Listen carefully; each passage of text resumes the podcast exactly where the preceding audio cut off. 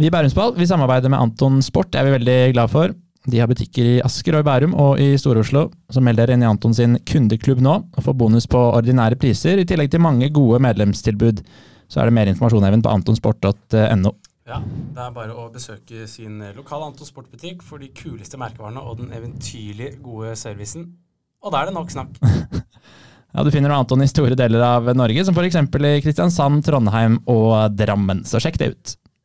Bærumsball, Bærumsball. Du hører på Bærumsball, en podkast om bærumsfotballen av Endre og Even Lybekk. Ok, ny episode her. Ola Brynildsen på plass i studio. Ola, vi begynner med seks kjappe her. Er du klar? Jeg er klar. Um, favorittsang? Jeg er glad i Ed Sheeran. vet eh, sånn rolig uh, Hva heter den, da? The Hills of Ab Abefeldi, et eller annet. Ok, Mm. Ja. Rolig, rolig der. ok, rolig der. Eh, hvis du ikke hadde vært fotballspiller, hva tror du det hadde vært da? Det er vanskelig. Kanskje Det er sikkert noe innenfor sport, da. Ja. Ja, Noe sportssjef eller sitte i styre eller noe. Tidenes yngste sportssjef. 24 år gammel Ola Brynildsen. Ja, ja. Ok, eh, Favoritt-emoji? Um, den der hvor du har henda i været og liksom appreciater eh, det folk sier, da. Hyll. Ja, hyller. Ja. Mm. Um, beste egenskap som uh, menneske? Um, jeg vil si jeg er god på å inkludere. Mhm. Mm. Det kan vi det kan vi se etterpå, Even. Vi har fått mye gode innspill her. Det er vel mange som har nevnt noe lignende. Mm. Ja. Um, Sivilstatus? Singel. Singel? Mm. Hva er da favoritt Har du en favorittsjekkeapp? Nei, akkurat uh, nå er jeg ikke på noe, men jeg har vært på, på litt forskjellige. Så nei, vi Jeg har ikke noen favoritt, nei. Even, ja, vi har vært på litt forskjellige, vi også. Har du noen favoritt, Even? Mm, Jeg har ikke vært eksklusiv nok til å være på Raja, eller hva den heter. Ja, har du vært der? Raja? Ja, det, det, det har vært der. For hva er det igjen?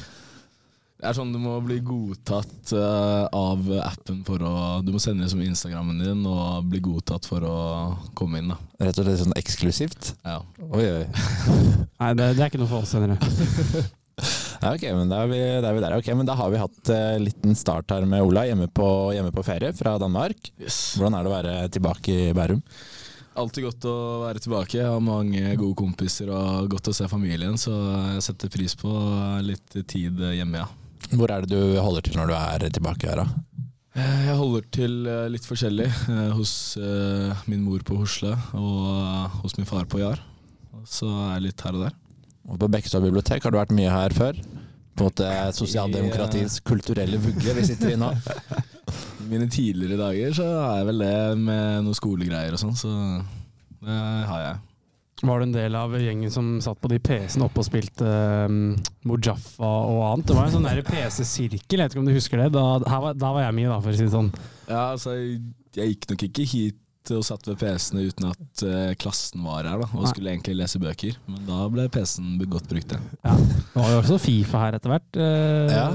Sofakroker de var nok godt nedslitt etter hvert, men uh, hatt noen timer her, ja. Mye Uten å ha rare, gjort skole. mye rare lukter i sofakrokene. Men vi tenkte selvfølgelig å prate litt mest om deg og din fotballkarriere her i dag. Du begynte jo i eh, Bærum. Mm. Um, hvordan husker du de første årene i gul og svart drakt på Kadda der? Nei, det var veldig morsomt. Det var mye, mye turneringer, og jeg husker jo godt at vi hadde en god gjeng og mye gode spillere. Jeg spilte jo der lenge med Emil, Emil Bohinen. Eh, før eh, jeg, han og Torkel Mellin Olsen gikk videre til Stabæk. Eh, så Bærum har jeg ikke noe vondt å si om. Det var en fantastisk tid. Torkel Melin Olsen har vel fått noe innspill fra Eivind, kanskje de kommer eh, etter hvert? Ja, det, både det og andre ting kommer etter hvert. Men eh, han har ikke skrevet så mye om Bærum-tiden, så vi må nok eh, over til blått før vi skal litt innpå. Ja, hva, er det, hva er det som gjorde at du bytta til, fra Bærum til Stabæk? Det var jo på en måte litt Litt før i tiden var jo det litt sånn bannlyst overgang, men nå etter hvert så er det jo flere og flere som har gjort det. Var det sånn at du ble sett på med ulve, stygge blikk på Gadda etter den overgangen? Nei, litt kanskje fra treneren. Eh, Det ble kanskje litt dårlig stemning der, fordi Bærum satsa jo også. Eh, Vi hadde et veldig godt lag, og så gikk eh, Emil ett år tidligere enn meg. Og man så det på ganske eks eksklusivt da, å komme seg til Stabæk junior elite, som det het da. Og du følte deg litt sånn Du følte deg litt spesiell når du Når treneren deres ville snakke med foreldrene og rett og slett bli scouta til eh, en så stor klubb. da. Så det var en no-brainer, det, egentlig. Hvem var det som var trener i Bærum for deg da? Uh, Team Søberg. Ok, Smart at uh, Ola setter seg litt vekk fra mikken når han sier navnet. Så de, de som vet, de vet. Team-søvere. Også i Stabæk, hvem er det som på en måte henta deg og viste interesse for deg da? Uh, da var det André Wilsgård og Øystein Garborg som var trenere. Ja, Øystein Garborg som trente A-laget til Bærum i år, og som ikke skulle gjøre det videre. Så ja, og André Wilsgård har jo trent eh, meg også. Reven blant eh, de som kjenner han eh, aller best. Lurer seg rundt på Nadderud som en liten, liten rev. Ja, Hvordan var det på en måte som sånn ung spiller på vei på å være ønska, som du sa? Nei, det var veldig spesielt. Og som sagt, Stabæk dro jo på de kuleste turneringene. De hadde utrolig mange gode spillere. Fleste var på Eller de var jo ikke med en del av Oslo krets, men de hadde såpass gode spillere at man kunne spille At de kunne stille et helt lag mot uh, vårt kretslag. Da. Så du ville jo være en del av det også. Så nei, det var rett og slett uh, utrolig kult når de kom på banen. da. Og da kom inn i, kom inn i Stabæk på dette gode G99-laget hvor det var veldig mange gode spillere. Hvordan var det for deg? Nei, det var tøft i starten, det, det skal jeg være ærlig å si. Man eh, kom ut til et mye høyere tempo. Man var jo vant til å være den beste spilleren eh, på Bærum, og så kom man som en av mange. Eh, tok eh, litt tid før man eh, tok nivået, og det var et par der som var eh, Som satte krav, da. Som eh, kjefta litt og bjeffa litt, eh, og det var man ikke vant til, ikke sant. Så men etter hvert så tok man plassen sin og fikk gode kompiser, så det var en fantastisk tid. Samtidig som det var utrolig mange gode spillere. Så gikk du vel på NTG, NTGU, fått noen innspill her. Kan han eh, kan spørre han om Christian Johnsen er bedre som fotballtrener eller mattelærer? Det er da Ålesund-treneren nå? Ja. Mm. Ålesund-treneren? Nei, Christian Johnsen. Nå smiler Ola bredt her. Nei, han var en eh, fin lærer, han. Han eh, var vel eh, lik eh, som han er som trener, som lærer. Eh, satte krav og var utrolig opptatt av detaljer. Eh, så jeg syns han var en fin fotballtrener òg. så vi hadde mye gøy sammen, vi. Kjent for å trene veldig hardt, vel? Ja. I hvert fall i Raufoss der var det mye snakk om tidlige morgenøkter og svømming og dobbeltøkter og kjør. Det var kanskje sånn på NTG òg? Ja, han hadde vel ikke lov til å kjøre oss like hardt. eh, men uh, han satte krav, ja. Det gjorde han. Han var en sånn mattelærer som ga dere oppgave mens dere hadde friminutt og sånn. Litt sånn når dere kommer tilbake, så skal dere løst uh, syv i annet ganger fire delt på to. Han var ikke happy hvis vi ikke hadde gjort leksene våre. Med. Ok. Eh, Vi ville også spurt om kulturen i klassen vår på NTGU. Hvorfor eh, tror han at eh, de slutta å ha fotball og hockey i samme klasse etter at vi gikk ut? Nei, som sagt, NTGU og NTG var en fantastisk tid, fordi vi hadde så mange karer med høy testosteron, og alle skulle kødde med hverandre. Spesielt når det var hockey, håndball og fotball i samme klasse.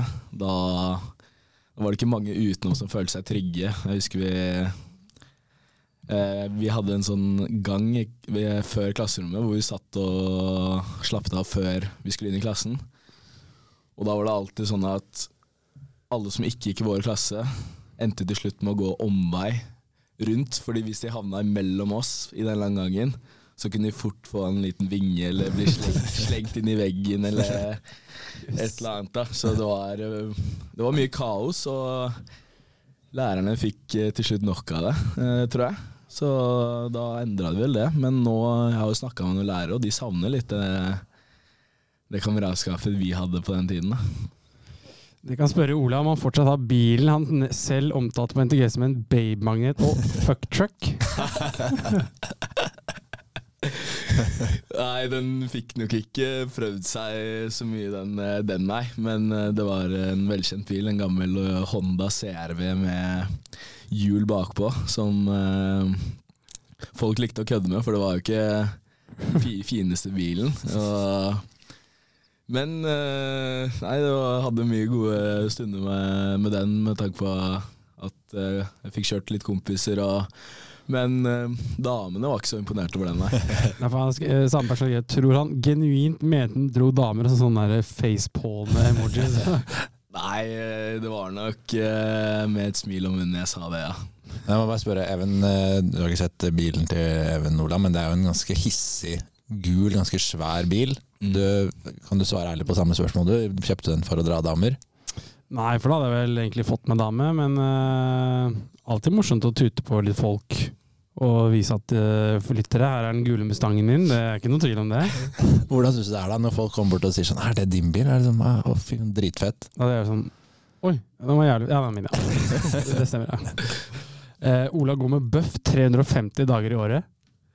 Ikke i dag. Nei, Ikke i dag, nei. men uh, generelt Uh, det tror jeg kommer av at eh, vi hadde en innspilling med Bernt Hulsker. ja, satt, Hvor dere satt ute i Vi skulle ut i jacuzzi, og da gikk alle i baris, og så gikk jeg i baris og bøff. Så det kommer nok av det. ja, Hvordan var det klippet, forresten? Har du noe behind the scenes moro på den? Jeg husker jo det godt. Har du og Tobbe og Hugo, er det ikke? Og Emil. Ja. Det var liksom rett før vi skulle til VM, tror jeg. Det var vel veldig flaut, da, fordi vi satt liksom i den- jacuzzien, og så sitter hele A-laget oppe på brakka og ser på oss, da. Og vi, vi ser jo dumme ut og skal liksom late som vi er litt Bærumsgutter, så det var Det var ikke mitt stolteste øyeblikk, akkurat den, eh, den jacuzzi... Men det var morsomt. Bernt er en fin fyr, så det er, det er gøy å møte ham på intervjuer. Eh, jeg vet ikke om du brukte solkrem den dagen, men det står også her 'elsker solkrem'. Hugo kødda med at han er pyroman, så han digger vel flammer, da. Uh, nei, nå har jeg, jeg, jeg har ikke vært så jeg er veldig heldig med pigmentene mine. Uh, men jeg liker jo å tro at jeg kan bli brun, men uh, jeg har en, en hud å ta vare på òg, så jeg, må, jeg er litt forsiktig der. Det er to andre i rommet her som heller ikke blir veldig brune. Det er en som liker å tro at han blir litt brun. Jeg blir brun. Det er ikke noe tvil om det. Vi går videre. fetteren vår sang 'Rødt blir til brunt', har du også hørt det? Hvis du Ja, liksom jeg liker jo å tro det òg, men ja. jeg skal ikke bli for rød heller, da. Nei, den teorien har ikke stemt for min del. i hvert fall. Siste her, da. eh, hvordan klarte han å få hele troppen i Stabæk 2020 til å få bedre resultat på IR-test? Eh, IR-test er da den Det er beep, er det ikke? Det er beep-test, ja. ja. hvor de eh, legger kjeglene Det er vel 20 meter ene veien og 20 meter andre veien. Mm. Og så hadde de satt opp uh, før vi uh, trente, uh, mens vi var inne i garderoben. Og da gikk jeg ut litt tidligere, la meg ned på bakken, for da var sånn uh, Gjerdene var blokka, så man fikk ikke innsyn. Så jeg krabba meg ned på bakken, og så flytta jeg ene linjen en halvannen meter nærmere, da. Så det ble jo mange meter eh, kortere i lengden, da. Og eh, Jønsson og Eirik Moen, som var fysisk eh, fysio, ble jo helt sjokkert over at gutta var i så dårlig form. Nei, god form, mener jeg. Ja. God form. Etter den der. Eh, og så hadde vi jo en senere, da. Men da hadde jo jeg dratt, ja. hvor de gikk ned i Ned i tall, og da begynte vi å lure litt. Det var ingen som fant ut altså, at du gjorde det? Altså, det var noen spillere utpå der som, eh, som eh, så det. Og så jeg tror hele spillerstaden visste om det. For vi hadde også tre andre, jeg lurer på om Emil eller Hugo kanskje var en av de, som ikke var der den dagen, som måtte ta IR-testen noen uker senere. Som eh, vurderte å sladre, da, fordi de eh, fikk litt dårligere resultater enn eh, oss, da, men vi måtte bare godsnakke litt med det. Og siste her, da, før eh, du går litt videre. Kan prøve å spørre han om han- var fornøyd med Jeppe Moes inndeling av quizlag med supportere i Marbella i 2020? Nei. Hvorfor ikke? Husker du ikke? Det var juks. Ok, Hva skjedde da? Eller hva var greia? Nei, det var bare juks. Det er ikke jeg med i det hele tatt. Men hva var det, var det ikke en quiz-greie også som vi fikk noe innspill på her? Med noe I- kallenavn.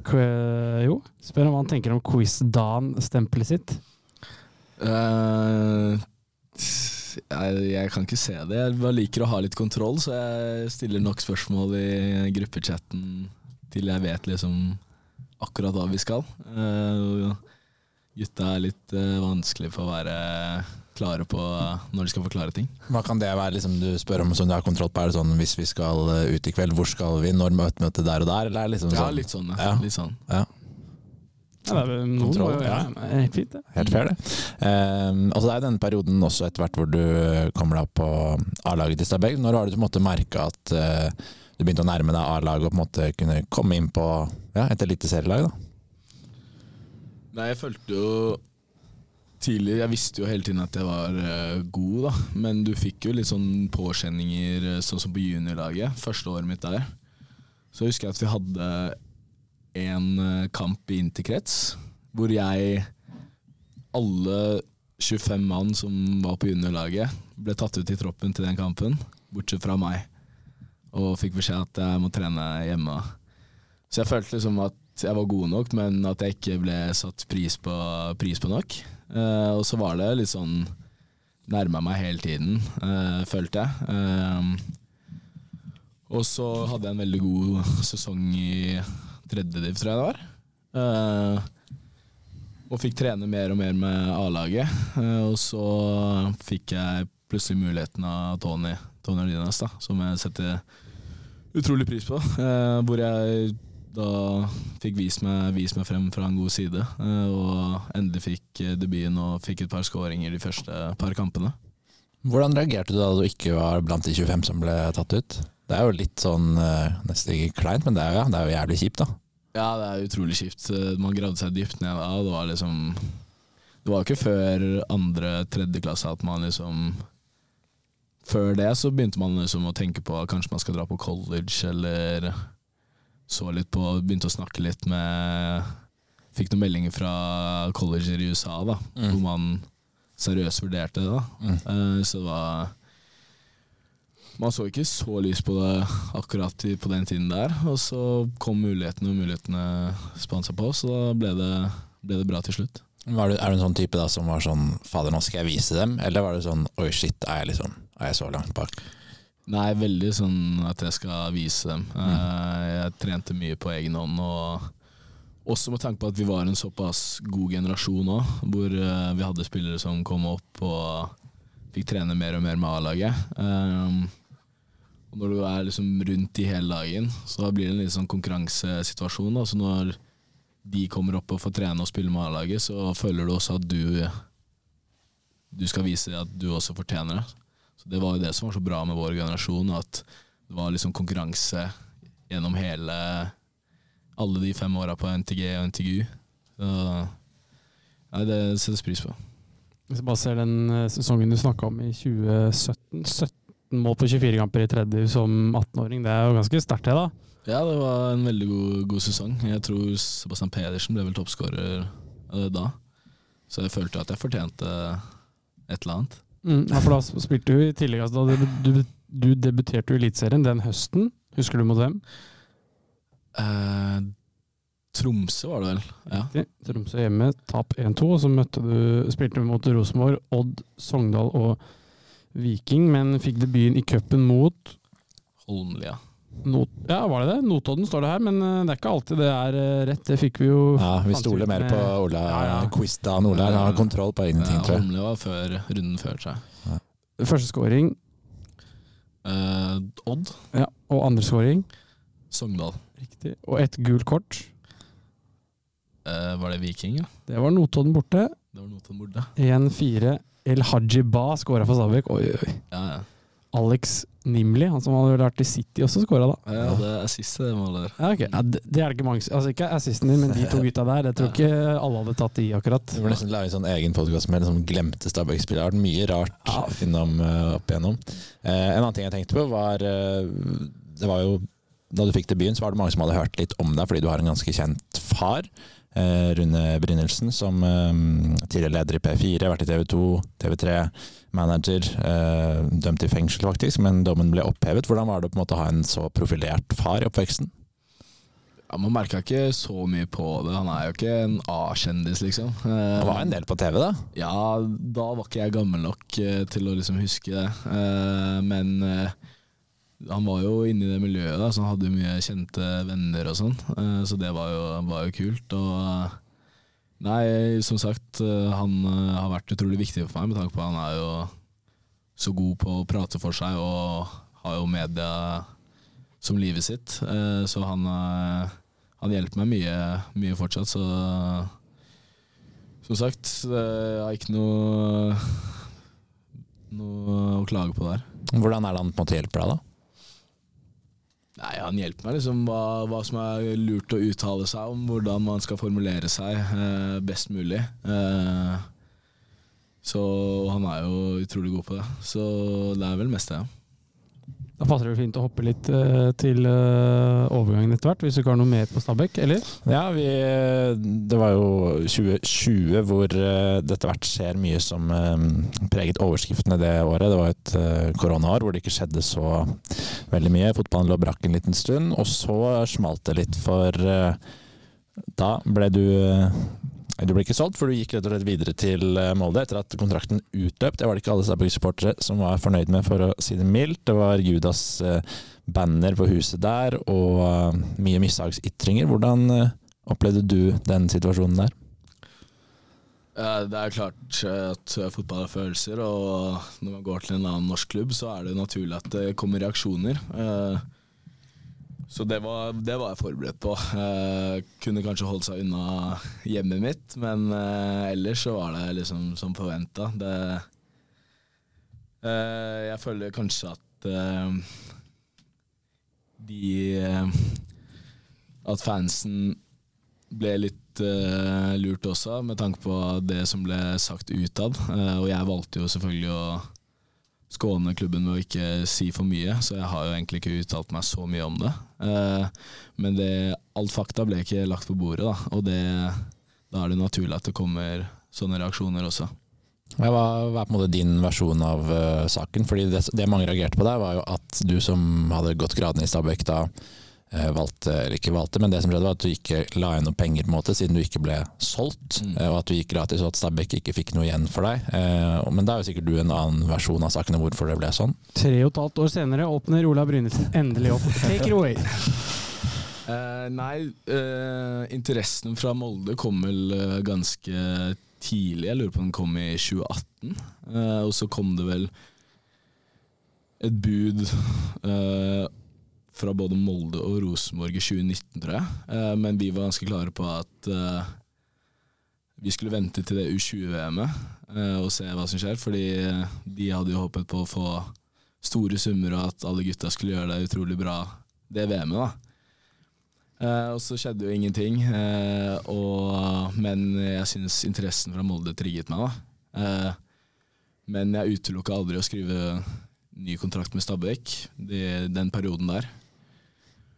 Og så fikk jo vi et tilbud da, fra Stabæk, eh, hvor det liksom Det var så useriøst da, eh, at eh, man ikke vurderte det engang.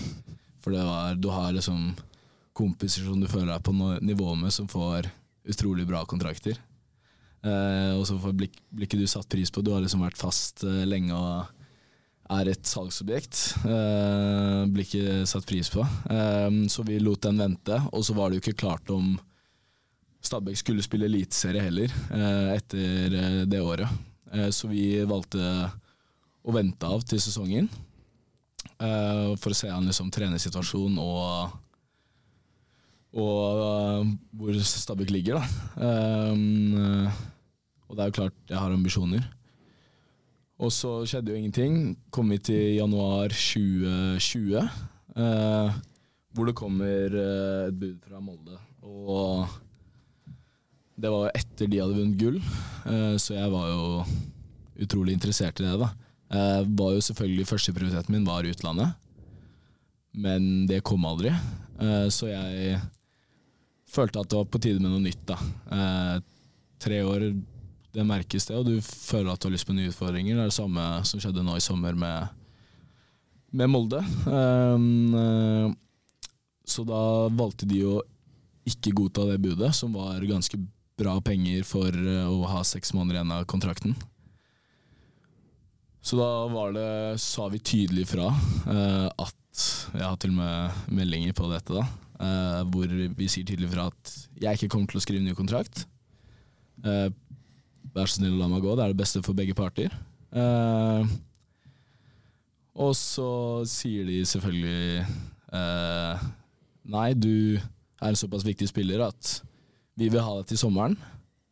Eh, sånn at du kan få noen poeng for oss, og så kan du få gå til sommeren gratis. Fordi jeg hadde gjort det klart at jeg ikke ville skrive en ny kontrakt. Eh, og så var det jo en gamble for dem, og man visste jo selvfølgelig ikke at korona kom heller, så sesongen ble jo fort utsatt. Og så tror jeg det kom et nytt bud en litt senere, i mars eller noe, hvor de også sa, sa nei. Um, og så går tiden, korona, uh, og så ender det opp til slutt at jeg drar til Molde og besøker de, uh, og velger å skrive under, sånn at jeg kan være klar til sesongstart her. Eh, og så går jo de selvfølgelig ut og sier at Altså Stabæk, da. Går ut og sier at uh, de visste ikke noe om at jeg ikke hadde lyst til å skrive ny kontrakt før for to uker siden. Uh, og da blir jo det tolka som at jeg har spilt et spill med dem uh, blant fansen, da, og ikke vært uh, 100 ærlig. Eh, noe jeg føler vi har vært eh, klart, eh, klare og tydelige på lenge, som agenten min. Og da blir det reaksjoner, og folk mener at jeg går etter penga. Eh, at eh, at eh, faren min og agenten min tjener penger på overgangen. Noe som ikke er sant. Agenten min tjente ikke ett øre på meg før jeg kom meg til utlandet. Det var en del av avtalen.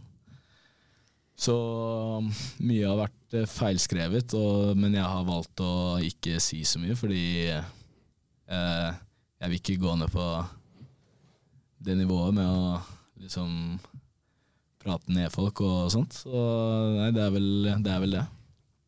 Hvordan er det å liksom ha holdt eh, hva skal jeg si, kanskje ikke, jo, holdt det inne da i så mange år, og liksom sett på hva alle andre har skrevet, og folk kommer hjem til deg og melder bare drit, og så har du egentlig hatt lyst, eh, kanskje litt lyst til å si det, men holdt det inne. Hvordan, hvordan har det vært? Nei, det er en del av fotballen. da. Du må tåle å stå i driten. Det kommer nok eh, uansett i løpet av en fotballkarriere. og Det er ikke en vellykket fotballkarriere uten at du har noe hatere, eh, vil jeg si. Så man må bare stå i det, men det er klart du har hatt lyst til å prate om det. Du har hatt lyst til å liksom fortelle de som tror at det er noe annet, at det er ikke det. Men eh, jeg har bare stått i det. Det har ikke brydd meg, brydd meg null og niks om uh, haten jeg har fått i senere år. Så det var litt uh, mye kanskje akkurat når det sto som uh, verst, men ellers så har jeg levd fint med det. Hvordan håndterte du det der og da, når det liksom kommer folk hjem til deg? Sånn, sånn, var, ble du skremt, eller var det bare sånn ja, det, sånn er det? Nei, Liksom. jeg tenkte jo det var ok, det, det er sånn de kan finne på, liksom. Mm. Men jeg har jo familie òg som ikke syns det var dritkult. å få ting sendt hjem til seg og få hengt opp bandet på privat eiendom og sånn. Så det er vel mer familien jeg ville ha lyst til å skjerme. da. Ja. Skal vi ta med Even, Vi har jo fått uh, mye innspill her. Og det er mange som lurer på um, Jeg må si Ja. kjapt, da. Stikk innom bustega.no for en liten avskjedshilsen, skrev du i Insta-innlegget da du skrev 'Takk for alt, fotball, much love, alltid uansett', og på gjensyn. Var det at det hang bannere utafor, eller var det noe annet? Eller var det et stikk til noen, eller? Nei, da skrev jeg Ok, du, takk for meg og setter pris på alt eh, dere gjort for meg, liksom. Det er en proffstrategi med kanskje litt eh, lite innspill fra far også, du på en måte kan ta litt regi regien og gjøre det på den måten også. Ja. hvem skrev? For det er mange kommentarfelt her. Fint skrevet, Rune. Ja, altså det er klart eh, Jeg har en medierådgiver som far, så det, jeg får litt hjelp der, jeg. Chiller'n når Paps skriver avskjedsbrev for deg. Er det en annen som skriver? Og så har du jo også, før du tar det, Mm. kom to Trabzons bord. Ja. Var det mange som meldte? Hva hva var greia der? Eh, det var eh, etter kamp Vi spilte Europa-kvalik. Conference-kvalik, tror jeg det var. Og så eh, nede i Tromsø spor. Og da skårte jeg to og hadde én assist. Og da klikka det jo helt for de Trabzon-fansen. Da koker det jo greit, ja. Ja, så Tyrkia er noe eget eh, med det der, så jeg fikk vel over 2000 kommentarer på det bildet jeg la ut etter den kampen på at jeg skulle komme meg, komme meg dit. Og så har det vært litt rykter rundt og svirret. Uh, var det noe bud uh, senest i januar fra Trabzon, så det har vært mye kok rundt den saken her. Ja, for her, her er det altså et bilde av Ola. 2200 likes, 2114 kommentarer. Jeg tenker Den ration der den er sjelden sett på, på bildet før. 97. Bildet etter 200, men det bildet der, da. 2000 kommentarer. Det er eh, sterkt, Endre. Det er sterkt. eh, Og så må vi bare ta, siden eh, vi har fått inn innspill her, og så trenger vi kanskje, for å være hyggelig mot disse folka, kanskje ikke nevne navn, fordi jeg tror ikke jeg ville vært så stolt over å ha fått navnet mitt og skrive noe av det som har blitt skrevet når vi har sagt at du kommer her, men det er jo et greit en grei måte å ta litt oppgjør med dette på, for jeg syns jo ikke noe om det. Det er jo folk som bare skriver Judas.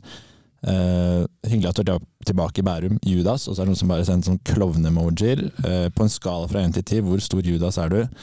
Hvor mye ga Pontus Pilatus deg, justert for dagens kurs? Som det er en referanse til eh, Judas også. Uh, og ja, jeg syns det er uh, vi er jo ikke noe La oss si sånn, det er mange som er sånn, dere er Stabæk-podkast. Vi er ikke en Stabæk-podkast, vi er en podkast om Bærumsfotballen og vi intervjuer profiler i Bærumsfotballen. Og dette er ikke noe sånn pro Stabæk eller sånne ting. Eh, og vi kan bare si det vi mener, fordi vi står fritt og uavhengig. Jeg syns det er helt eh, Jeg får nesten vondt av å se hvordan hvor mye dritt folk lirer av seg pga. en overgang hvor de kanskje ikke vet begge sider heller. Nå har Ola vært der og fått fortalt sin historie, men jeg vet ikke hva du tenker. Men vi satt jo på et show i går og så disse meldingene rant inn, og det har ikke vært i nærheten av så mye greier før. Og det er en overgang til en fotballspiller, liksom. Det er eh. Jeg syns det er eh, stygt, i hvert fall. Ja, tre og et halvt år siden, og folk, eh, det er det eneste nesten folk lirer seg, selv om det er noen, eh, noen spørsmål òg. Men det er jo bare trist. Og jeg tror, tror at de fleste sender inn på Instagram, for de vet at de kan være anonyme. Altså hvis, hvis vi på en måte hadde lagt ut en post, skriv i kommentarfeltet, så kan jeg ikke se for meg at så mange hadde vært så tøffe bak tastaturet. Det var vel noen som meldte noe på Twitter og som var ganske Ja, vi håpløst. diskuterte jo det i går om vi skulle legge ut, og da, for da er det noen som da catcha at du skulle være med her, og som bare skrev eh, eh, Blir det en morsom episode neste uke? Bla, bla. Mye sånn Og der er det folk som skriver bak, selvfølgelig at de er anonyme. Og det her er jo ikke noen ny debatt vi tar opp nå, at eh, folk er nettroll, men eh, det er kanskje første gang vi har kjent på det litt i Bærumsball. Men jeg vet ikke Ole, om du får mye sånne meldinger, om du får med deg det sånn nå, eller om du bare blokker sånne ting ut? Nei, jeg blokker vel det meste ut. Jeg leser ikke så mye om meg selv eh, på Twitter og sånn, så jeg lever, jeg lever greit og rolig. Driter, driter i det. Hva tenker du om det der, da? Altså, folk som bruker tiden sin på ja, tre og et halvt år senere. Eneste de skriver, er liksom Judas. Nei, altså Det får være opp til dem. Det, det er klart fotball er følelser, men det ja, Hadde det vært meg, så hadde ikke jeg giddet å bruke energien min på noe sånt. Det er noen ordentlige Ja, spørsmål, da. Vegard Ytterhus lurer på hva er ditt beste Stabæk-minne? Det er mer et spørsmål vi kan sette pris på. Man skal ikke være bare, det skal ikke bare være kos, selvfølgelig, men eh, det er bedre å stille sånne spørsmål enn å bare ja, skrive noe som andre folk har skrevet her. Da. Mm. Eh, det må vel være enten det første målet jeg fikk, eller da vi klarte å berge eliteserieplassen i kvaliken mot Ålesund. Det var mye endorfiner som gikk løs da. Eh, og så er det jo selvfølgelig den tiden med at du spilte med så mange gode kompiser også. Ja, nå er det jul igjen, nå er det jul igjen, osv. Og da er det greit å vite at man finner julegavene hos vår sponsor Anton Sport. Så det er bare å ta turen dit. Det er jo butikker i Sandvika, på Bekkestua og Fornebu her i Bærum. Og kan jo også benytte anledningen til at dette er siste Bærumsball-episode før jul. Men jeg ønsker alle dere en veldig god jul fra hele Bærumsball-redaksjonen, som er Even og meg. Så ja, kos dere med resten av episoden, og god jul. Ho, ho. Nikolai Stovi, Stavi, hva tenker han om mottakelsen på Nadderud og i cupen på, i cupen på Kadda i vinter? Nei, som forventa. Ja. hyggelig, den. Men du er en sånn type du, altså, Ikke misforstå meg, jeg syns du er, er veldig ålreit. For noen kan hende du er litt, litt dratt i trynet. Ikke sant? Fordi ikke sant, Stavik-support eh, roper på deg, og du smiler tilbake. Ikke sant? Og du scorer, og så hysjer du og sånn, for eksempel. Er det liksom strategisk mindset, eller er det bare sånn du er? Ja, det er litt strategisk mindset for å komme litt i huet på, huet på folk. Eh, Jeg skal ikke stå og liksom få drit eh, uten å vise litt tilbake. Det, det skal jeg ikke ha, nå. Nei, tror Blir du liksom gira av det også, når folk buer på deg sånn? Ja. eh, Så egentlig er det motsatt effekt. De prøver å psyke deg, men egentlig blir du bare bedre. ja. Eller jeg har lyst til å vise dem, da. Ja. Og når du gjør det, da, hva, vil du liksom vise de tilbake da, eller? Så Ja. sier du scorer, da, da er det første du tenker på det er å løpe bort og hysje, eller, eller liksom blokker du det ut da? Jeg har tenkt litt på det. Uh, jeg har ikke fått gjort det ennå, men eh, jeg har hatt lyst til det. Ja. Eh, så hadde vel eh, sett der og da om jeg faktisk skulle gjøre det eller ikke. Ja. Men eh, nei, vi, jeg har ikke fått oppleve det, så det er vanskelig å si. For det finnes jo to mulige feiringer. Enten den, den du kunne kjørt, hysje, eller så er det den her legge seg helt flat. Beklager at jeg scora mot gammelklubben, men Ja, Den syns jeg ikke noe om. nei, egentlig. jeg kan ikke se for meg at Ola Brynildsen hadde kjørt den. Kanskje skulle, det hadde vært gøy å se en sånn ironisk feiring. Hvis du nå hadde gått på de Tage som var, beklager, legger meg flat, så skjønner jo alt. Nei, du mener du ikke. Så det blir et nytt lag i feiringer, liksom. Med intelligensnivå på, på, på feiringen. Eller kjøre begge to. Først liksom så Nei da, kjøre en dobbel. Men det virker jo som det er litt sånn greie du sa den gangen du ikke ble tatt ut i den juniortroppen også. At du liksom ok, nå skal jeg vise dem. Sånn som nå, nå skal jeg vise dem. Hvor tror du det kommer fra? At du har den der eh, mentaliteten her? Det er jo ikke alle som har den.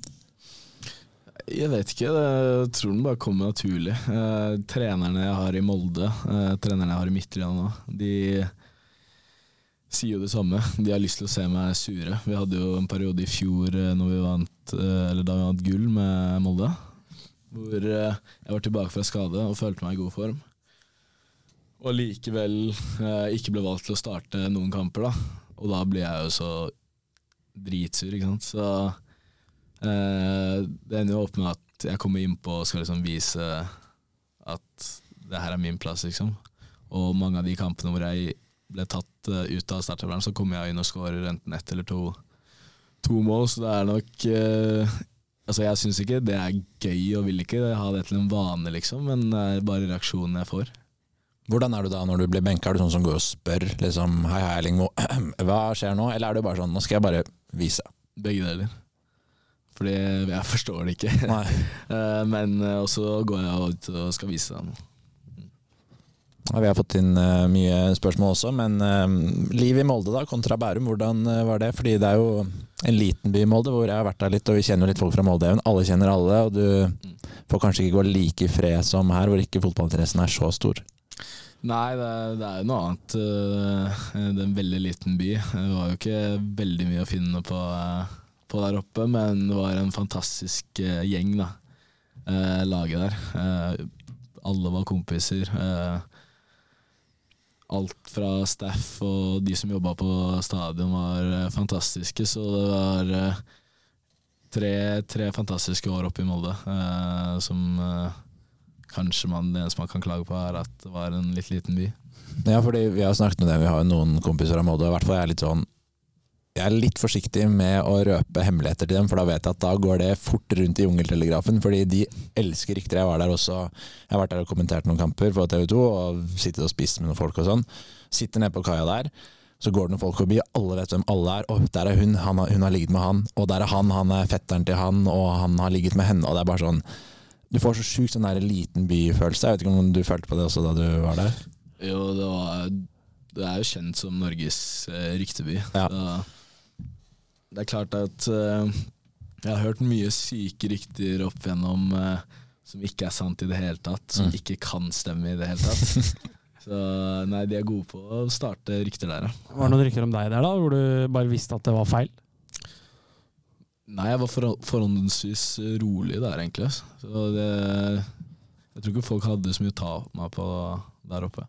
Gjorde all skaden i, på helgeturer til Oslo. Du holdt liksom Molde unna, så landa du opp, så tenkte du Ingen skal få vite hva som skjedde. Ja, vi hadde, ikke, hadde faktisk ikke så mye tid å dra hjem til Oslo heller, fordi det første halvannet året var jo covid. Så det var ikke så mye hjemme i Bærum, bortsett fra i ferier. Hvordan var det for deg da, å bo der, bo da alene? eller? Ja. Hvordan var det når du liksom ikke kunne gjøre så mye annet vekk fra alle gutta og kompiser og familie? Var det, Funka det, eller var det litt ensomt iblant? Nei, det gikk egentlig forholdsvis fint. Som sagt, det var en fantastisk gjeng hvor du, du kunne finne på ting privat eh, med mange der. Eh, Så det, det var ikke noe problem, da. Hvem er på en måte de nærmeste vennene dine? Er det liksom fotballgutta som er de nærmeste, eller har du kompiser utenom eh, også?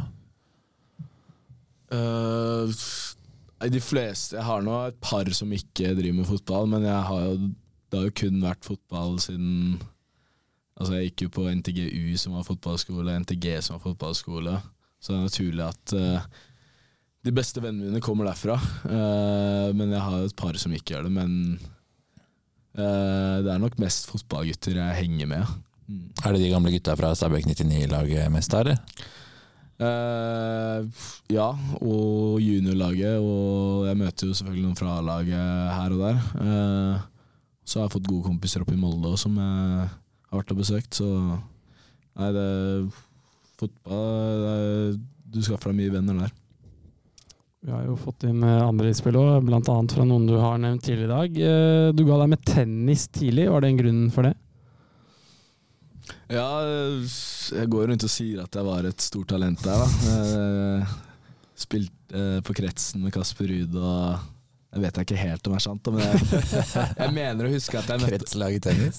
Jeg mener å huske at jeg møtte han eh, et par ganger. Eh, men nei, fotball var mer morsomt, altså. Det, er det som er bra, det er såpass langt tilbake i tid før på en måte internett fanga opp alt. Og det, måte, det kan ikke sjekkes helt heller. For det er kanskje altså Hvis du er 11-12-13, da, sånn, Mm. og rundt der er det mye, mye glipper i internett. Da, så du kan godt eh, kjøre på med den uten at den blir faktasjekka. Ja, Da, da, da gir vi det. Gir vi Ola Slo Kasper ut. Oi, oi, oi. 6-0, 6-0. Nevner bare at han alltid har vært et dårlig konkurransemenneske, så han er en fryktelig dårlig taper. Derfor han ga seg med tennis tidlig. Stemmer det?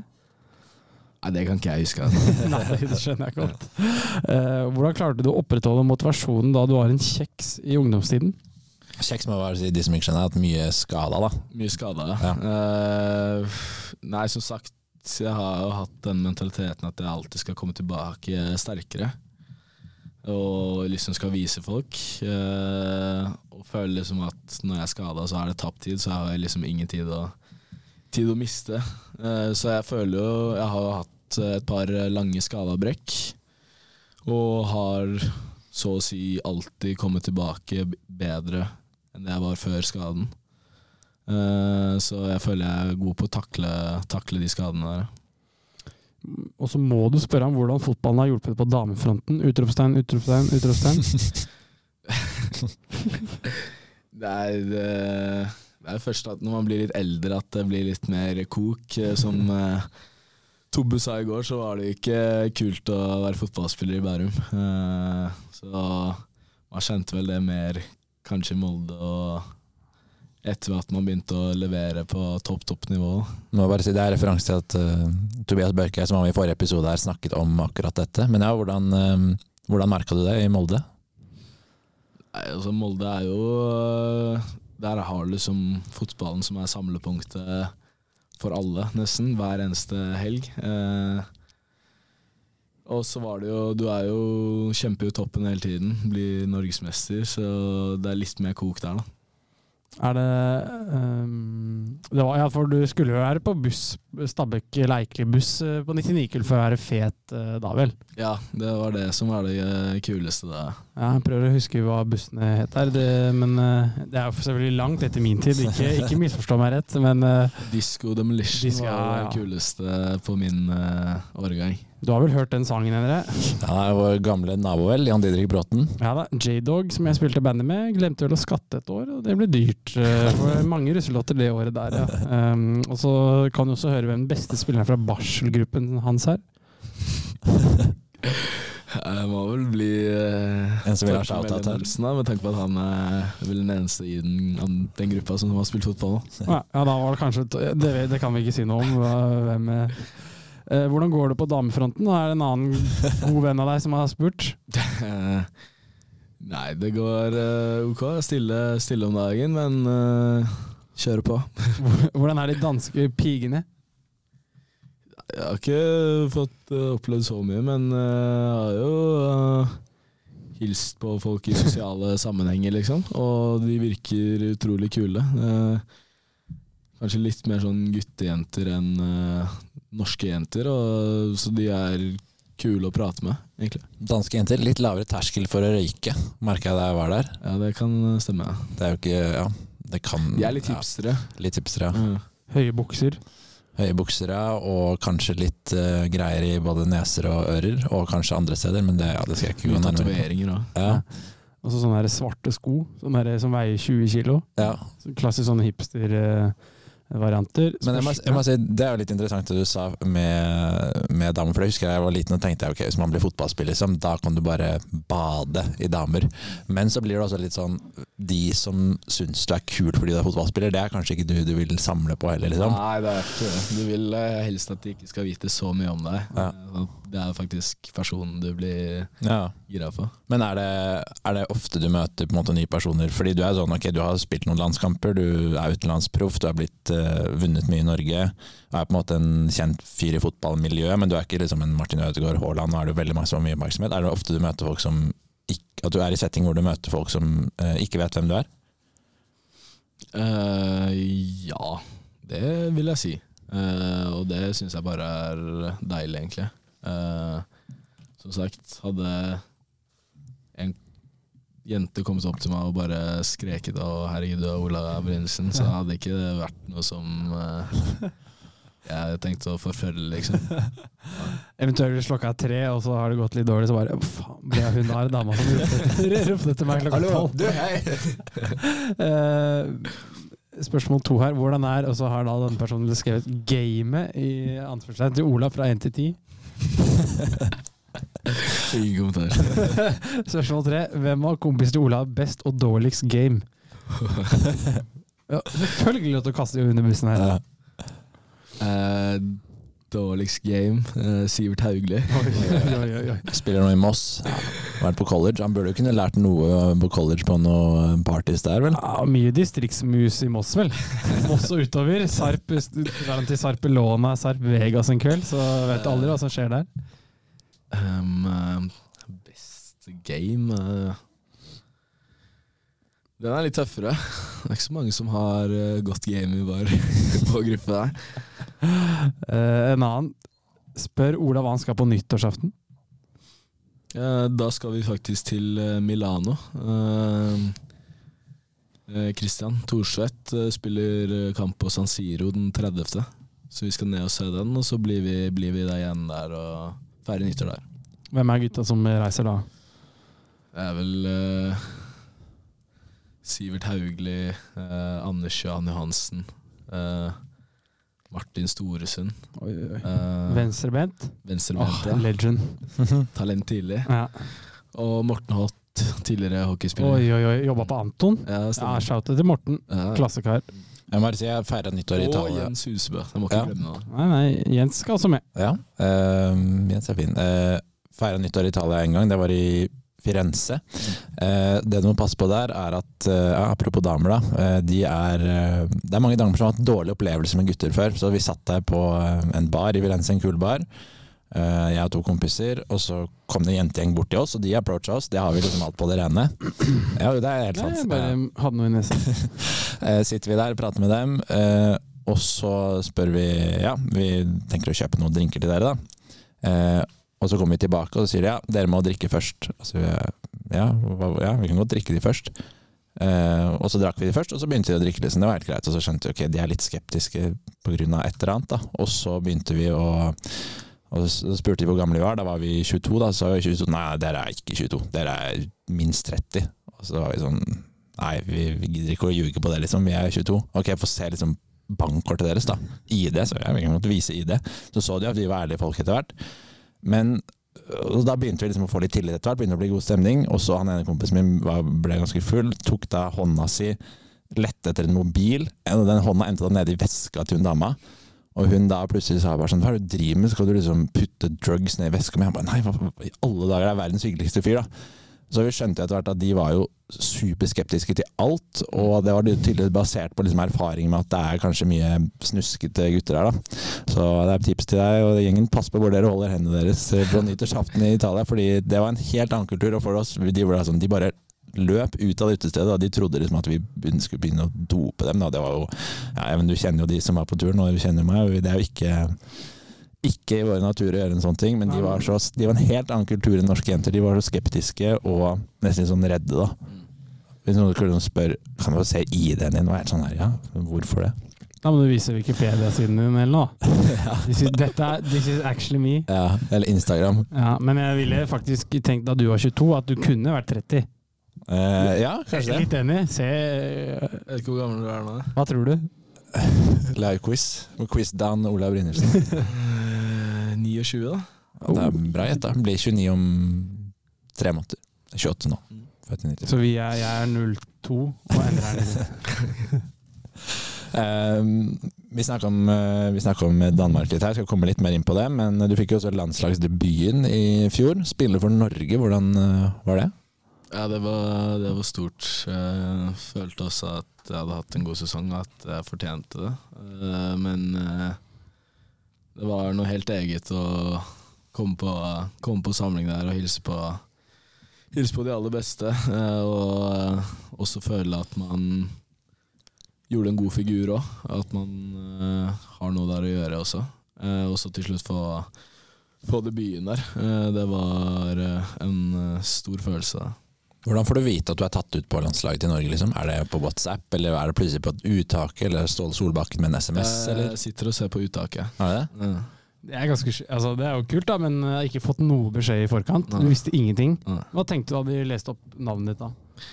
Jeg hadde liksom litt på følelsen med tanke på at jeg hadde hatt en Men du vet jo aldri, da. Så du sitter jo med 180 puls da når du sitter og ser på det. Eh, og den følelsen når han ropte opp navnet mitt der, det, var, det glemmer jeg ikke med det første.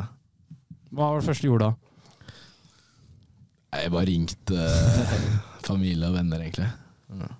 Ja, det må ha vært rått. Hva med da du For første matchen, det var mot Uh, Jeg har den her, men eh, du Jeg, spilte, jeg var vel i en tropp mot Slovenia Eller Slovakia. Slovenia eller Slovakia. mm.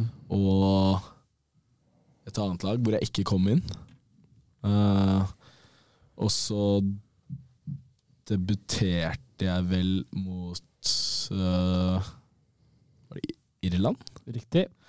Uh, fikk eh, 20 minutter der. Og så spilte jeg vel en omgang kampen etter mot Finland. Riktig. Hvordan Hadde du fått noe beskjed i forkant av kampen at du skulle inn, eller var det liksom ikke noe beskjeder? Eh, Jeg fikk beskjed dagen før at jeg skal være forberedt på at du kan eh, komme inn og gjøre en jobb der. Da.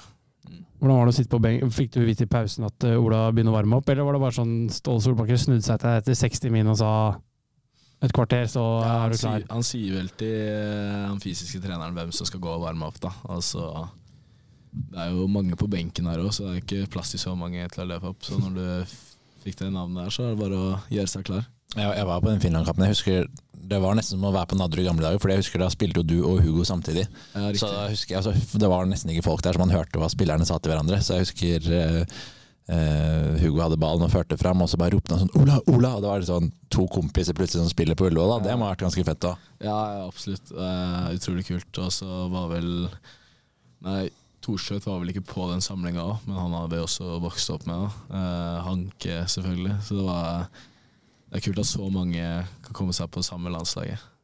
Og så har jo de gode prestasjonene dine ført til at du har blitt rykta både hit og dit. Vi snakka litt om eh, interesse fra Tyrkia og tyrkiske fans i stad, og det har vært linka til mange forskjellige steder, men så ender du opp med å gå til eh, Midtjylland. Um, var det sånn at du på noe tidligere tidspunkt hadde muligheten til å dra fra Molde til andre klubber? Det har vært mye snakk om deg i silly og sånn. Det har vært mye prat, uh, litt, eh, eller litt konkret da. Uh, men uh, det var vel Bordeaux også i januar. Eh, men jeg vil ikke til i andre div i Frankrike, selv om det er en klubb som skal være i første div. Eh, og så var vi jo ganske Hvis jeg skulle bli Planen var egentlig å dra i januar, men eh, så skjedde jo ikke det. Eh, og da var det enighet om at uh, man skulle vente Eller vi skulle vente til kvaliken da, til Champions League var ferdig. Uh, så det var vel Det var vel kun Midtjylland som la inn bud. Jeg vet at det var mye prat og nesten, nesten her og der, men eh, det var vel Midtjylland som, var, som kom med et godt nok bud da, som gjorde at det ble aktuelt. Når det er sånne prosesser, er du sånn Sitter du bare og venter og sier ok, jeg vil vite hvis det er noe konkret, eller liker du å følge med litt og ser ok, hvem viser interesse nå, eller hvordan forholder du deg til de tingene? Det er litt øh, Det er en liten balansegang der, da. For hvis du får vite for mye, så er det sånn Det ville jeg jo ganske tidlig, da. Vite det meste, og så får du høre ja, Leeds er interesserte, da. Går du jo inn og sjekker alt om byen til Leeds, da. Mm. Uten at du, det er litt konkret engang. Eh, Du liker å ha kontroll? Ja, øh, hvis ikke så tenker jeg litt for mye på det, kanskje. Uh, og så når man blir eldre, så må man stenge det ut og ikke vite noe før det er konkret, da. Men uh, merker jo på det at når det liksom du føler at det er din- tid til å dra, at eh, du vil vite at det er noen ute som, som er ute og går, da. For du har sett da mange av de gutta som du har spilt med før, som du sa, som har blitt utenlandsproffer i Italia og litt rundt om. Er det sånn at du da også har følt sånn oi, nå må, er det på tide at jeg også kommer meg ut i utlandet? Ja, altså, jeg stresser ikke, men jeg vet at jeg er god nok til det. Så det er vel mer det. Mm. Og um, Midtjylland eh, da, fordi det kanskje mange suser litt på, er altså Du spilte Champions League-kvalik med Molde. Og så ble ikke, var det sånn Hvis dere hadde kommet til Champions League, tror du det hadde blitt da? Eh, ja, det tror jeg. Ja. Men så klarte dere ikke det. eh, Og så går du til eh, Midtjylland, som da ikke klarte å kvalifisere seg til Conference League, Molde i Europa League. Så kanskje, mange tenker kanskje det er litt sånn steg ned. Hva tenker du? Ja, det er jo Altså, jeg føler at man ikke har peiling før man liksom har opplevd det. Eh, hvis man ser på kampene nede i Danmark, så kan man se at det er eh, høyt nivå. Og jeg merka liksom det de første eh, månedene mine der. At jeg hang ikke med i det hele tatt. Både fysisk og tempo. Hadde jo spilt på kunstgress hele Nesten ja, i Molde, da. Og nå er det gress hele tiden. Eh, så du Det ble klart og tydelig for meg ganske tidlig at det her er et, eh, et steg opp, og så ser du liksom hvor mange som har gått som ikke har lykkes i Danmark òg. Som går til Norge og ser ut som verdens beste fotballspiller, liksom. Mm. Som får utrolig gode klubber senere. Det er jo, det er jo en grunn til det. Uh, og så er det liksom I Danmark så er det jo kun tolv lag. Og ja, i hvert fall elleve av de da, har et godt nivå, så det er sånn Det er ikke en kjempebommer om et lag i nedre halvdel slår et lag i øvre halvdel. For det er såpass jevnt. Og du har ingen lag som legger seg bakpå heller. Så du får alle de kampene som var typisk i Norge, da, hvor, eh, med Molde faktisk, at vi 90% av kampene spilte mot lave blokker. da. Noe som jeg ikke trives med, da, med tanke på at jeg har litt fart og liker å ha litt rom å løpe i. da, Så jeg følte liksom at det var best for meg å komme til en, en liga hvor det er mer internasjonalt At det ligner mer på internasjonal fotball. da. Nå, ja, nå sa jeg at de ikke kvalifiserte seg til Conference League og ikke noe Europa, men det er jo et lag som det du spiller på, Midtjylland, som leder Superligaen når dere har en veldig lang pause nå, foran FC København, som nettopp gikk videre i Champions League, liksom. Så det er jo ikke noe dårlig lag du spiller på, bare for å sette litt i kontekst. For de fleste nordmenn følger jo ikke så tett med på dansk fotball. Mm. Eh, Men det er et FC København-lag som går videre foran Manchester United og Galatasaray, så det er jo ikke noe småtterier. Og de ligger på tredjeplass, dere er på første. Mm. Eh, ja, hvordan ser du på nivået i Danmark i forhold til eh, Eliteserien? Ja, det er ganske stort hakk opp Mm. med tanke på intensitet og nivået på spillerne. Så hvis du ser på Eller laget vårt, da, så har vi jo fem-seks som spiller på gode landslag. Eh, fast og blant annet. Eh, og du føler også at alle lag har én til to spillere som kunne spilt på topplag i, nei, i Danmark òg, da. Det, du får liksom ikke det i, i Norge, da. Eh, så nivåforskjellen føler jeg er mye større enn folk tror, da. Elleve kamper fra start, tre innhopp, eh, skåra fem mål. Eh, også blitt noen reservelagskamper. Hvordan eh, har det vært? Jo, det er bare sånn eh, opplegg de har i landslagspausen. Eh, at eh, de har noe som heter Future Cup, hvor du kan velge når kampene, kampene blir spilt. Hvor det bare er for å gi spill til de som ikke har spilt så mye. Men de setter jo alltid de kampene i, eh, i landslagspausen, da, sånn at du ikke skal miste, miste formen på den, på den uka. Så det er liksom alle som er, ikke er med på landslaget, spiller jo den kampen. Men føler liksom, for nå er det lenge siden du har vært i en landslagstropp. Er det sånn at du blir litt sånn glemt når du er i Danmark, siden folk ikke sitter og ser på TV uke inn og uke ut på samme måte som de gjør på Eliteserien? Eh, nei, jeg, jeg, føler, jeg tipper at de ser nok på meg, men uh, det hjelper jo ikke at uh, coachen syns at det var et steg ned å dra til Danmark. Det gjør det ikke. Nei, altså coachen for Eh, altså Ståle. ja. ja, men han kjenner jo dansk fotball godt, da. Ja. Bør jo vite, bør ja. vite det. Ja, eh, jeg vet ikke. Var han inne i Eller hadde du mye med han å gjøre da du gikk til Danmark, eller var det et eget valg? Eller Nei, det var- eget valg, selvfølgelig, men han har jo han har jo vært veldig åpen om f.eks. Ørjan Nyland, Leo Skier Østegård, at han hjelper de og gir veldig klare tanker om det. Han, hvordan var det i din prosess? Nei, jeg prata ikke med han om den overgangen. Jeg tenkte selv at dette var et eh, steg opp, og at det var på tide med noe nytt. Jeg hadde som sagt, jeg hadde spilt Europaligaen med Molde før. Jeg har vunnet cupen og, og Eliteserien, så jeg følte liksom nå er det på tide å ta enda et steg. Eh, så det var vel det, da. Hvordan ser du på mulighetene fremover på landslaget for din egen del? Uh, nei, vi får se. Jeg, jeg føler at uh, jeg har en, noe å bidra med i en tropp der. eh, Og at, uh, men eh, som sagt, jeg får, jeg får bare jobbe på. eh, vise, vise dem at eh, jeg fortjener det. Så er det mange som har vært eh, i Midtjylland som eh, har tatt steget videre ut i enda større, bedre ligaer og klubber. Hva tenker du på en måte er neste steg for deg i karrieren nå? det altså, drømmesituasjonen er at man banker inn eh, tosifra mål og blir solgt eh, så fort som mulig. Men stresser ikke med det. Jeg må bare ha fokus på hver dag som går. Eh, og så er det jo klart man har drømmer, eh, og man har eh, mål. Jeg vil tilbake på landslaget, eh, og jeg vil komme meg til en større liga. Så kommer til å gjøre hva jeg kan for det. Og så får vi bare se hvor lang tid det tar. Uh, Endre, vi har vært og sett på kamp i parken før. Enorm stemning der. Beskriv følelsen når du putter, eller da. Du puttet 1-0. Ja, det var, det var magisk. Eh, ganske fornøyd med målet òg, så det var, ja, det var en god følelse eh, å slå FCK på, på Parken, så det ble, det ble en bra dag. Hvordan er det liksom, litt avslutningsvis, uh, du starter plutselig på benken mot Vidovre IF. Hvordan er liksom det? Du kommer inn etter ja, no, Du putta i dag, da, men kommer i 20 minutter før slutt eh, mot et miniputtlag. eh, liksom den uka der når du får beskjed om at du ikke starter, hvordan, hvordan funker du da? 2500 på tribunen, det er jo færre enn Eliteserien nesten. Mm.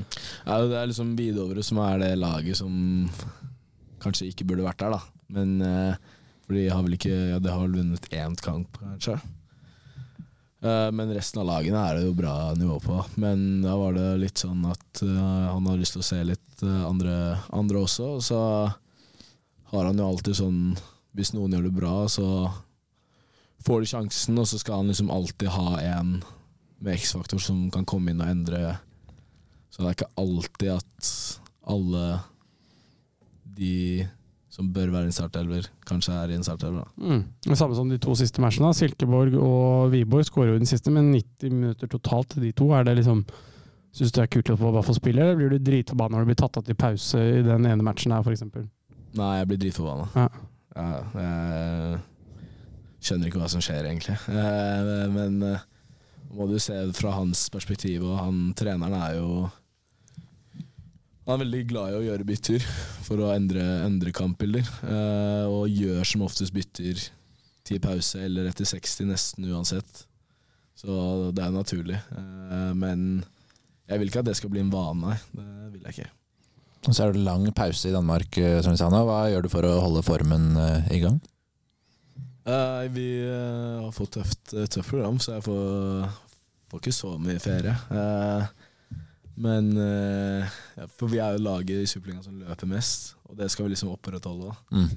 Så vi må trene ganske mye nå i, nå i offseason. Får du noe ferieturer, eller blir du bare hjemme i Bærum? Nei, jeg blir, jeg skal på en weekend til eh, Madrid. Milano, selvfølgelig, sa du også. Ja, Ja. Milano og så Madrid nå til helgen. Se noe fotball, eller? Eh, nei, det skal bare se på noen kulturelle ting og Kulturelle nattinnslag? Eh, bare lurer kjapt på SKN her, bare så jeg ikke glemmer det. Da du skulle inn eh, og debutere på Ullevål og kommer inn for Norge, er du no, blir du noen gang nervøs? nervøs? For eksempel Nei. da? Egentlig ikke. Uh, man merker at det er mer trykk rundt kampene, liksom, men jeg, jeg er sjelden nervøs, egentlig. Det kan hende at jeg kjenner, kjenner på trykket sånn i oppbygninga eller rett før, men jeg har aldri kjent på noe nervøsitet under kamp. eller noe. Det er ikke sånn du står og skal bli bytta inn, så er du sånn faen, jeg føler ikke beina mine er så, er så nervøs nå. Nei, nei. Hvorfor ikke, tror du? Fordi du er godt forberedt, eller vet at du skal være der, eller? Det er fordi jeg føler at jeg har noe der å gjøre. Det virker jo som en fyr når vi prata i litt over en time her, at du har på en måte en god selvtillit, jeg trua på det selv, uten at det kan jo bikke over også. Men sånn som du sier, at når du ikke får spille, at du blir jo irritert. Det bør man jo selvfølgelig bli. Men eh, ja, virker jo som eh, Virker som det er på plass, det mentale. Jobber du mye med det? Hodet? Uh, ja, eller jeg har prøvd ut litt forskjellig, men jeg har liksom ikke funnet noe som funker for meg. Men jeg føler at jeg er godt, står godt mentalt, da. Siste spørsmål, Endre, fra Erlend Medhus. Uh, vi snakka litt om dette banneret, sammen. men mener du at Stabæk-fansen gikk over streken med banneret, eller var det uh, nei, eh, ikke de bannerne som hang på Nadderud, nei. Uh, og ikke Kan godt skrive at jeg er en Judas, liksom, men uh, jeg syns ikke det var helt innafor at de kom inn på privat uh, eiendom og gjorde det. Var det sånn du satt hjemme og så at de var utafor, eller?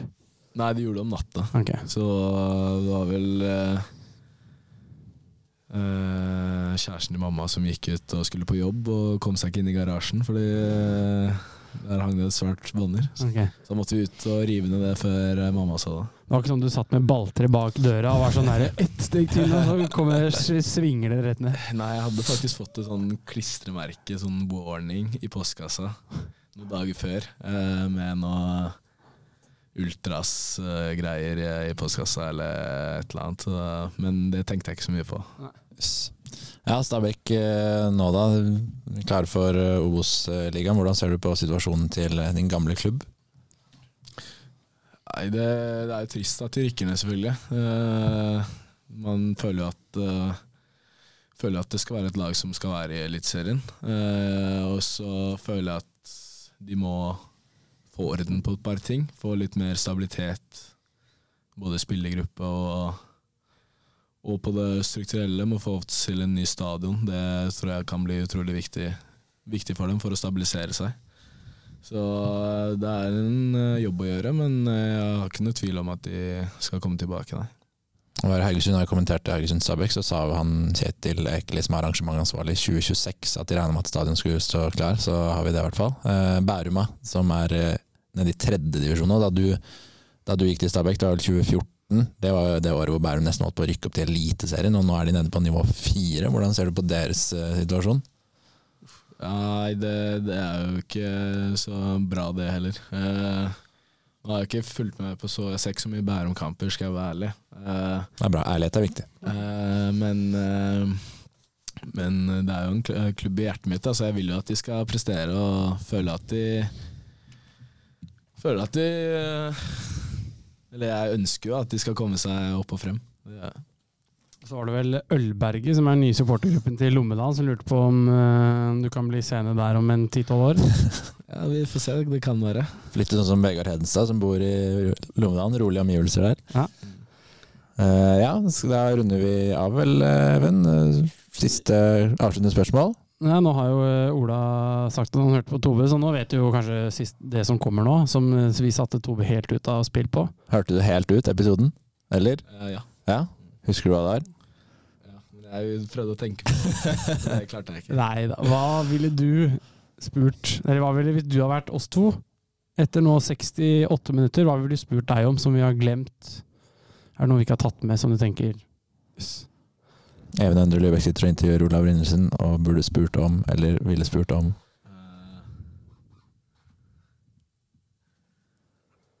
Eh, Jeg har noe som kan være litt spicy. da. Få høre. Uh, om jeg noen gang kommer tilbake til Stabæk. mm, Ja, og hva er svaret?